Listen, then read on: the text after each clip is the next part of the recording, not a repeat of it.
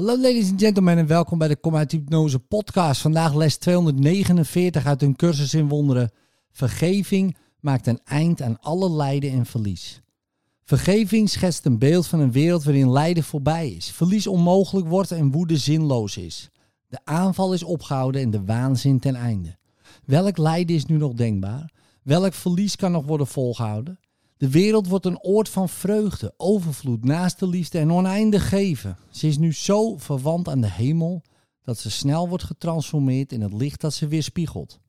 En zo komt de reis die de Zoon van God begonnen is ten einde in het licht waar vandaan hij kwam. Vader, we willen onze denkgeest aan u teruggeven. We hebben die verraden, hem in een klem van bitterheid vastgezet en hem angst aangejaagd met gedachten over geweld en dood. Nu willen we opnieuw in u rusten zoals u ons geschapen hebt. In liefde, tot morgen.